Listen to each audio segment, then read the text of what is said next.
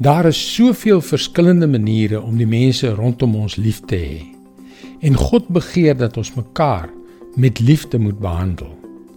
Nou ja, wat doen jy as 'n verhouding tot niet gaan? Hallo, ek is Jockey Gouchee vir Bernie Diamond en welkom weer by Fas.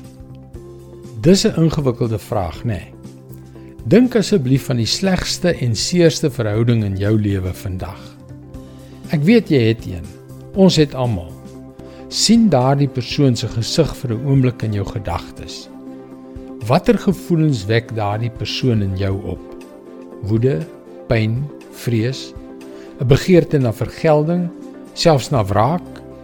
Dit is almal redelik natuurlike reaksies teenoor iemand wat jou seer gemaak het. En hoe meer onlangs dit gebeur het, hoe seerder maak dit, nie waar nie? Met my hele hart weet ek dat God jou wil bevry van al daardie negatiewe emosies. Die vrees, die woede en daardie vernietigende onvergewensgesindheid wat jou onderkry.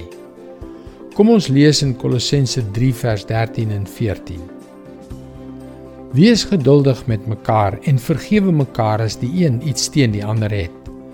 Soos die Here julle vergewe het, moet julle mekaar ook vergewe. Bo dit alles moet julle mekaar lief hê. Dit is die band wat julle tot volmaakte eenheid saambind. Vergifnis. Dit is die sleutel wat jou sal vrymaak. Ons kan kies om daardie persoon as 'n mens te sien met al die swakhede wat in 'n mindere of meerdere mate maar net deel van menswees is.